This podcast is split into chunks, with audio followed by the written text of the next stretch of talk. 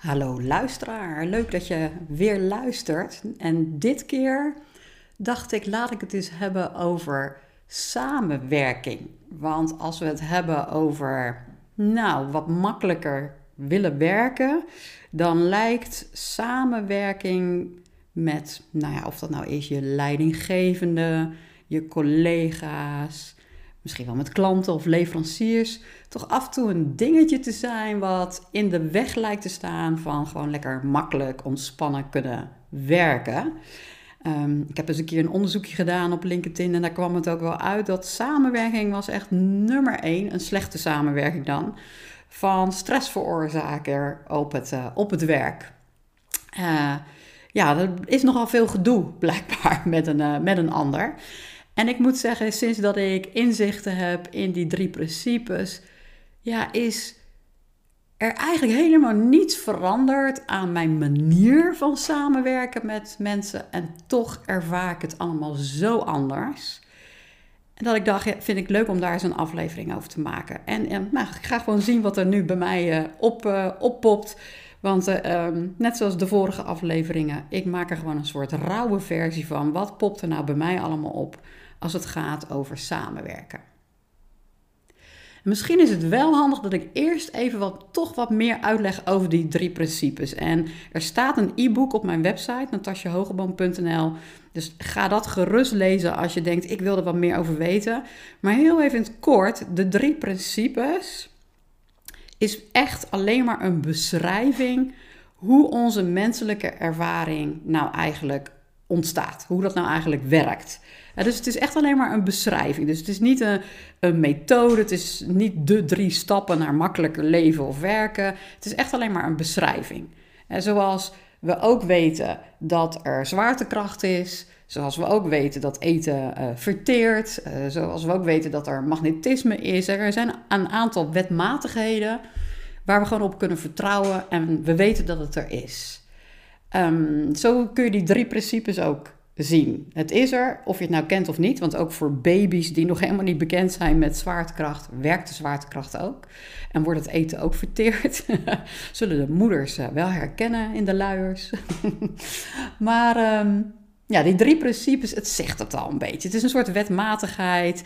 Um, je hoeft er niet voor te doen om het van toepassing te laten zijn. Het is echt alleen maar een beschrijving. En nogmaals, het beschrijft dus hoe eigenlijk gewoon onze ervaringen ja, ontstaan. Dus ook onze ervaring hoe nou eigenlijk een samenwerking beleefd wordt. En wat zijn die drie principes nou? Nou, allereerst is er, eh, moet er gewoon leven zijn. Er is een soort levensenergie die er voor iedereen is. Ik noem het graag levensenergie. Ik geef ook yogalessen, daar noemen we het vaak de universele levensenergie. Sommige mensen noemen het liever de wijsheid. Wat ik ook nog wel eens zeg is de oneindige intelligentie. Dus er, er is iets voorbij mijn persoonlijk verstand, iets wat mijn brein zelf niet kan bevatten. Het is er altijd, wat zorgt dat er leven is. Soms, soms noem ik het ook wel eens een ruimte, alsof er een soort ruimte is en vanuit die ruimte, vanuit die bron ontstaat er leven. Klinkt misschien een tikkeltje spiritueel, maar ja, het, het is wel nodig om een ervaring uh, te hebben. Er moet leven zijn. En vervolgens, in die levensenergie, beleven wij dus ervaringen via het denken. Dus eigenlijk via het bewustzijn, hè, er moet natuurlijk wel een bewustzijn zijn van een ervaring, alsof er een soort spotlight op staat, alsof de zon erop uh, opschijnt. Via dat denken beleven we dan. En dat denken, dat vind ik zelf een hele interessante, ook in het kader van samenwerking. Al moet ik zeggen, ook die universele levensenergie. Misschien kom ik daar straks nog wel even op terug. Maar allereerst dat denken. Wij zijn dus allemaal levende wezens die denken. Allemaal. Er is geen mens hier op aarde die niet denkt. En als dat zo is, dan zal diegene geen ervaring hebben. dus de ervaring is er altijd omdat we denken. Allemaal. Allemaal. Sterker nog, je zit ook altijd tegen je eigen denken aan te kijken. En je kunt helemaal niet weten wat de ander eigenlijk denkt. Je weet dat de ander denkt, maar echt geen, totaal geen idee precies. Hè? Je zit namelijk altijd tegen jouw eigen denken aan te kijken. En ik zeg jouw eigen denken. En tegelijk popt op, ja, dat klopt natuurlijk misschien ook helemaal niet, hè? Want hoe eigen is dat? Want waar komt dat denken nou eigenlijk vandaan? Het popt op vanuit het niets. Komt er ineens een gedachte binnen, een woord, een verhaal binnen. En het lost ook weer helemaal op in het niets. Het komt volkomen onschuldig eigenlijk binnen. Je weet helemaal niet wat je nu zo meteen over vijf minuten gaat denken. Zelfs niet over vijf seconden. Echt gewoon totaal geen idee wat er dan voor denken binnen gaat komen. En ook niet wat er weggaat. Het, het is zo vloerbaar als ik weet niet wat. Het is zo vloerbaar als ik weet niet wat. En dat hebben we dus allemaal. En het lijkt wel alsof het type denken wel een beetje afhankelijk is van je gemoedstoestand. Hè? Je zal wel herkennen dat als je een beetje moe bent, ja, je bent uh, ja, slecht uit je bed uh, gekomen, weet je, want verkeerde ben je naar bed gestapt, zeggen ze dan wel eens. Uh, dan lijken er wat sombere gedachten te zijn dan dat jij vrolijk bent, ontspannen bent. Dan, dan is er misschien zelfs wel voor je gevoel minder denken en veel vrolijker, et cetera. Dus die gemoedstoestand kan ook nog een verschil maken in ja, hoe jij dat denken dus beleeft. Maar nogmaals, jij bent niet schuldig aan wat jij nou eigenlijk denkt. Dus jij weet helemaal niet of er zometeen misschien een hele depressieve gedachte voorbij komt, of een hele negatieve, of een uh, vermoeide gedachte, of een onzekere gedachte die kan zo weer opgevolgd worden door een hele blije gedachte. Dat, dat fluctueert enorm, enorm. En ik heb het zelf ooit eens een keer ervaren in een hele depressieve periode. Dan had ik de neiging om te zeggen dat ik uh, nou ja, heel zagrijnig was en dat ik depressief was. Maar als ik heel eerlijk ben, waren daar ook echt gewoon momenten van de dag tussendoor dat ik echt lol had. Gewoon. Dat, dat er ineens iemand een grapje maakte en dat ik ineens wel moest lachen. En dan was het dus ineens in een flip second een totaal andere ervaring. Dus die gedachten die fluctueren ook enorm. En het lijkt soms alsof dat, dat allemaal heel maakbaar is. Maar ga dat voor jezelf maar eens bekijken van ja, is, hoe maakbaar is dat eigenlijk? En want als er al een gedachte binnen is gekomen, ja, die is er al die is vanuit het niets gekomen. Weet ik ook dat hij weer in het niets zal verdwijnen. Ja, dan kan ik eraan gaan zitten sleutelen. Maar ja, dan maak ik eigenlijk dat verhaal alleen nog maar groter en langer. Dus dat denken, dat is echt wel een hele interessante. Dat een van die principes is, is dus dat er denken is. Dat er denken is om dus een ervaring te hebben. En voor mij voelt het ook altijd alsof dat denken tegelijkertijd een sensatie meegeeft. Ik gebruik graag het woord sensatie. Misschien gebruik jij liever het woord gevoel. Maar als ik bijvoorbeeld een angstige gedachte heb, dan geeft dat ook een sensatie mee in mijn lijf.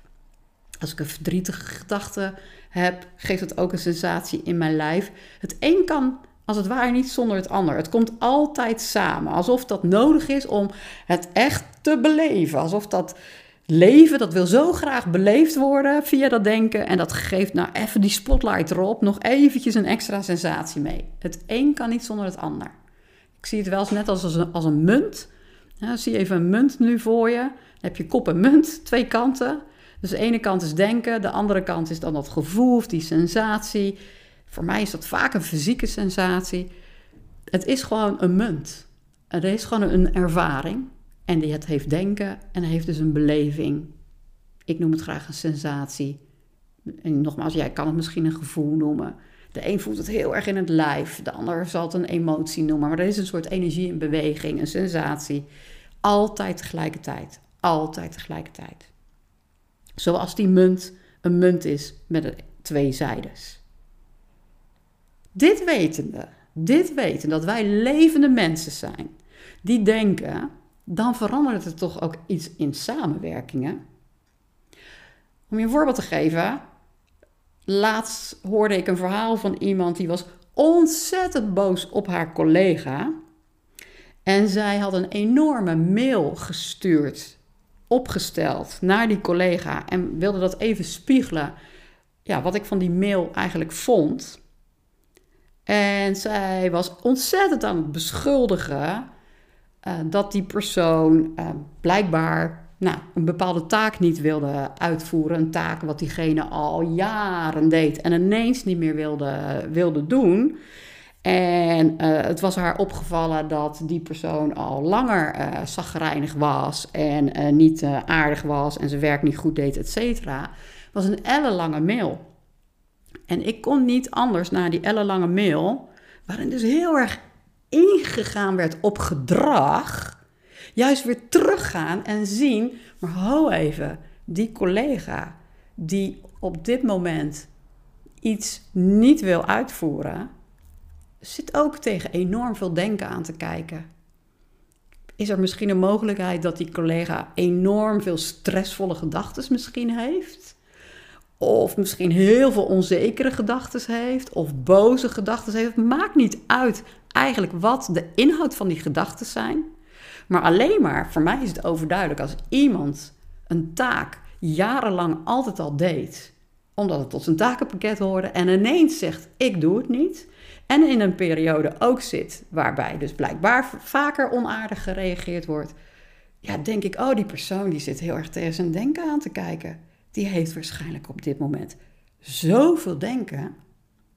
Dan ontstaat er een soort van compassie.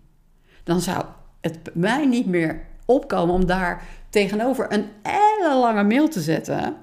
Met allemaal kritiek en commentaar, waardoor eigenlijk alleen maar de, ja, die negatieve gedachten, die boze gedachten, de, de stressvolle gedachten aan het toenemen zijn.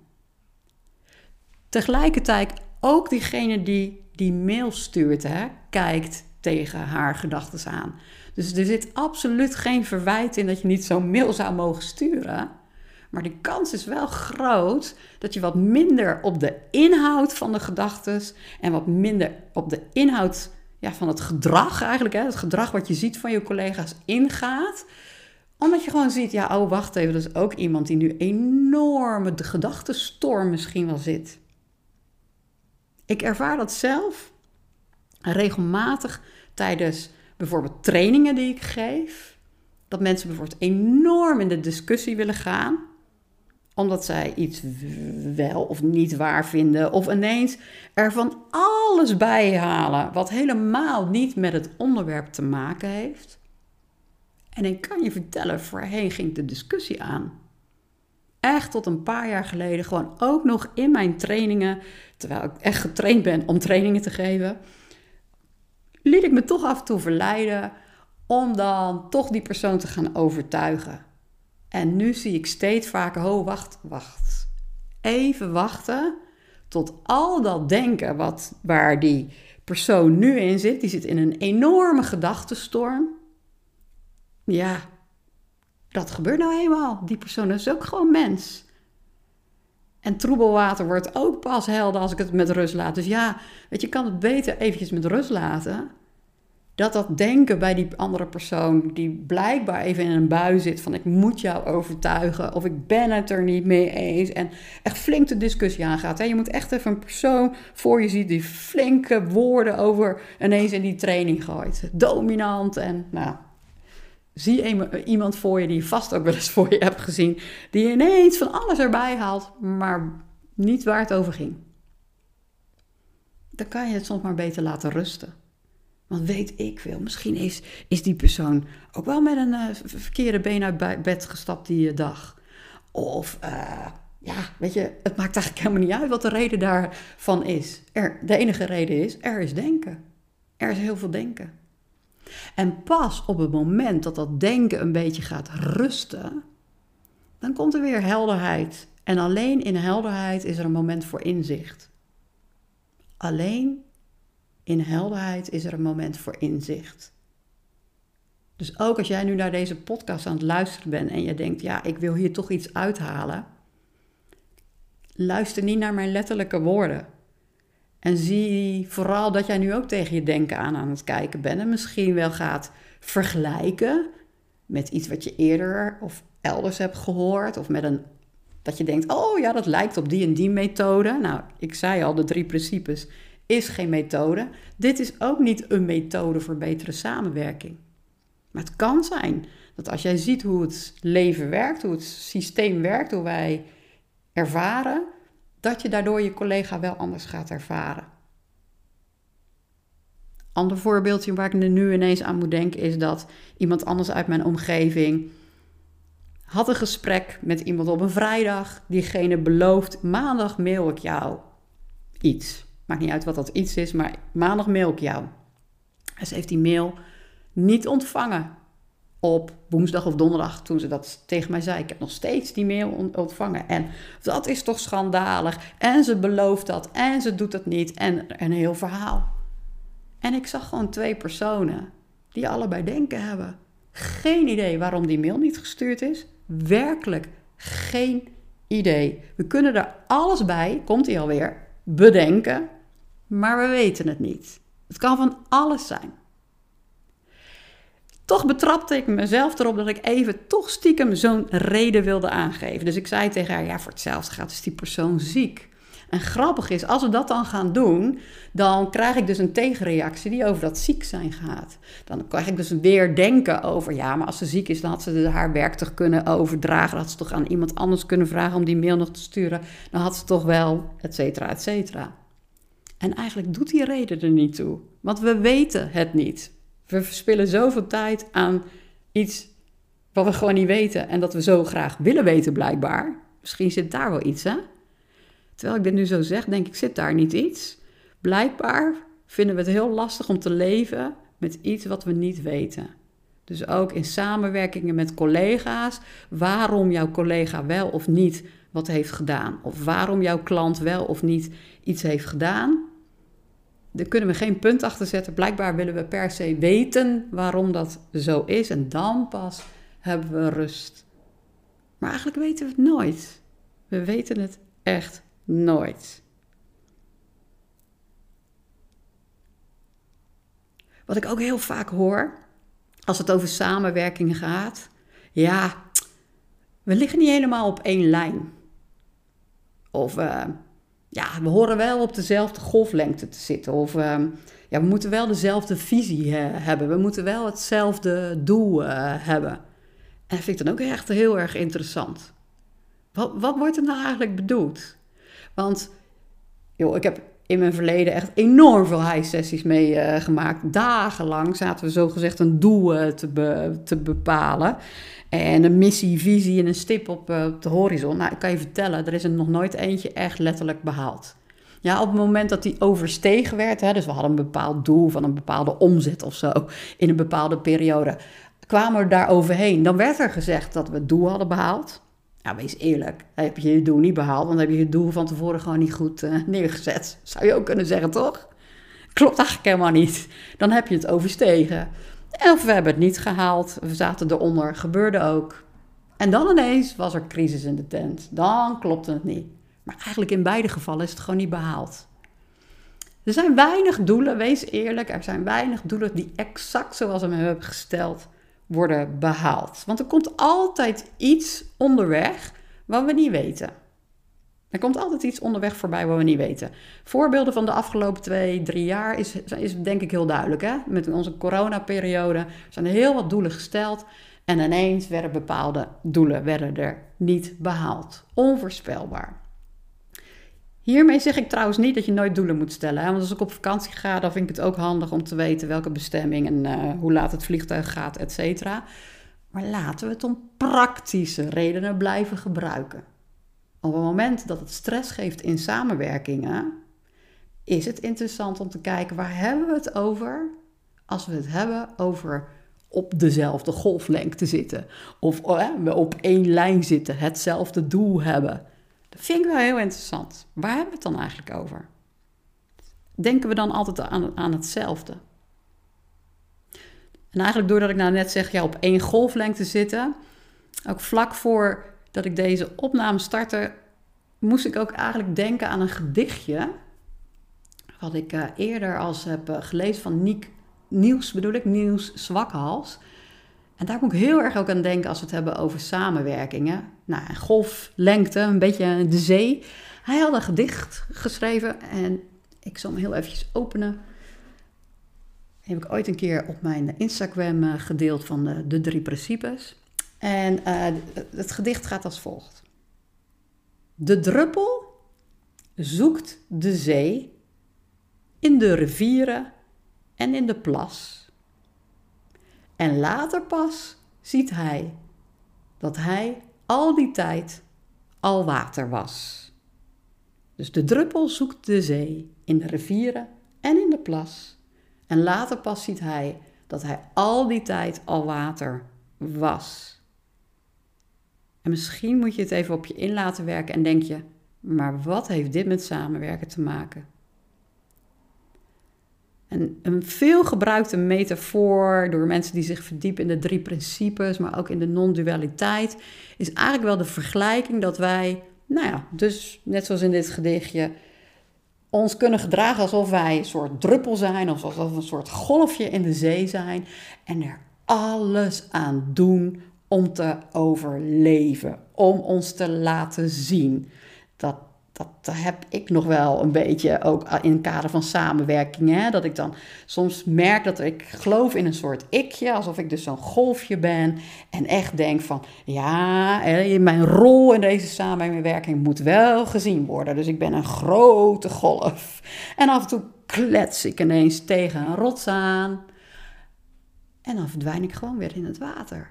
Ik ben niet kapot te krijgen. Ook al word ik niet gezien. De druppel zoekt de zee in de rivier en in de plas. En later pas ziet hij dat hij al die tijd al water was. We zijn als het ware al, één grote samenwerking. We zijn het leven. We zijn die universele levensenergie, dat water. En vanuit dat water, vanuit die universele, universele levensenergie, sorry. En dat bedoel ik niet letterlijk, maar echt metaforisch. Hè? Ontstaat er dus belevingen van verschillende soorten golfjes, druppels, allerlei elementen van water. Zoals wij ook allemaal individuutjes zijn op deze aardbol, maar uiteindelijk zijn we allemaal één. En toen ik dat echt ging zien. En dat is iets anders dan verstandelijk begrijpen, hè, zien. Dus neem het ook nu echt niet van mij aan. Je moet het echt voor jezelf zien. Er zijn ineens soms van die momentjes dat je een soort glimper van, van krijgt. Dat je ineens denkt, oh, oh ja, nu snap ik het. Misschien wel door het horen van zo'n gedichtje. Ineens zie je het even. Ineens een besef. Van, oh ja, eigenlijk zijn wij allemaal één. Allemaal verbonden met elkaar. En van daaruit ontstaat dan de ervaring van een samenwerking. En hoe cool is het als er meerdere mensen in jouw organisatie zijn die dit gaan zien? Ik vind het ook echt heel tof dat er nu echt wel een paar organisaties zijn die mij dus nu ook ingehuurd hebben om gewoon een training te geven van een, van een paar dagen. Waarin we dus met een team gewoon gaan kijken hoe ontstaan nou eigenlijk menselijke ervaringen? En soms met een insteek. Bijvoorbeeld, er is één organisatie die het heel erg gebruikt als insteek. Wij willen gewoon wat creatiever zijn in de organisatie. Een ander juist stagnerende gesprekken. Hoe komt dat? De gesprekken stagneren. En we gaan geen gesprekstechnieken leren. We gaan gewoon alleen maar kijken daar waar ervaringen gecreëerd worden. Dus waar dus ook creativiteit vanuit ontstaat. Of waaruit die stagnatie eigenlijk nou bestaat. Dus stel dat jij dat, soort dingen ook leuk vindt. Neem gerust contact met me op met de uh, contact.natasjehogeboom.nl En op mijn website zie je ook nog veel meer waar ik op dit moment mee bezig ben. Maar wat ook nog gewoon heerlijk aan het veranderen is blijkbaar. Zoals het leven blijkbaar beleefd wil worden. Dank je wel dat je luisterde naar deze rauwe uitzending van mijn podcast Natasja Hogeboom.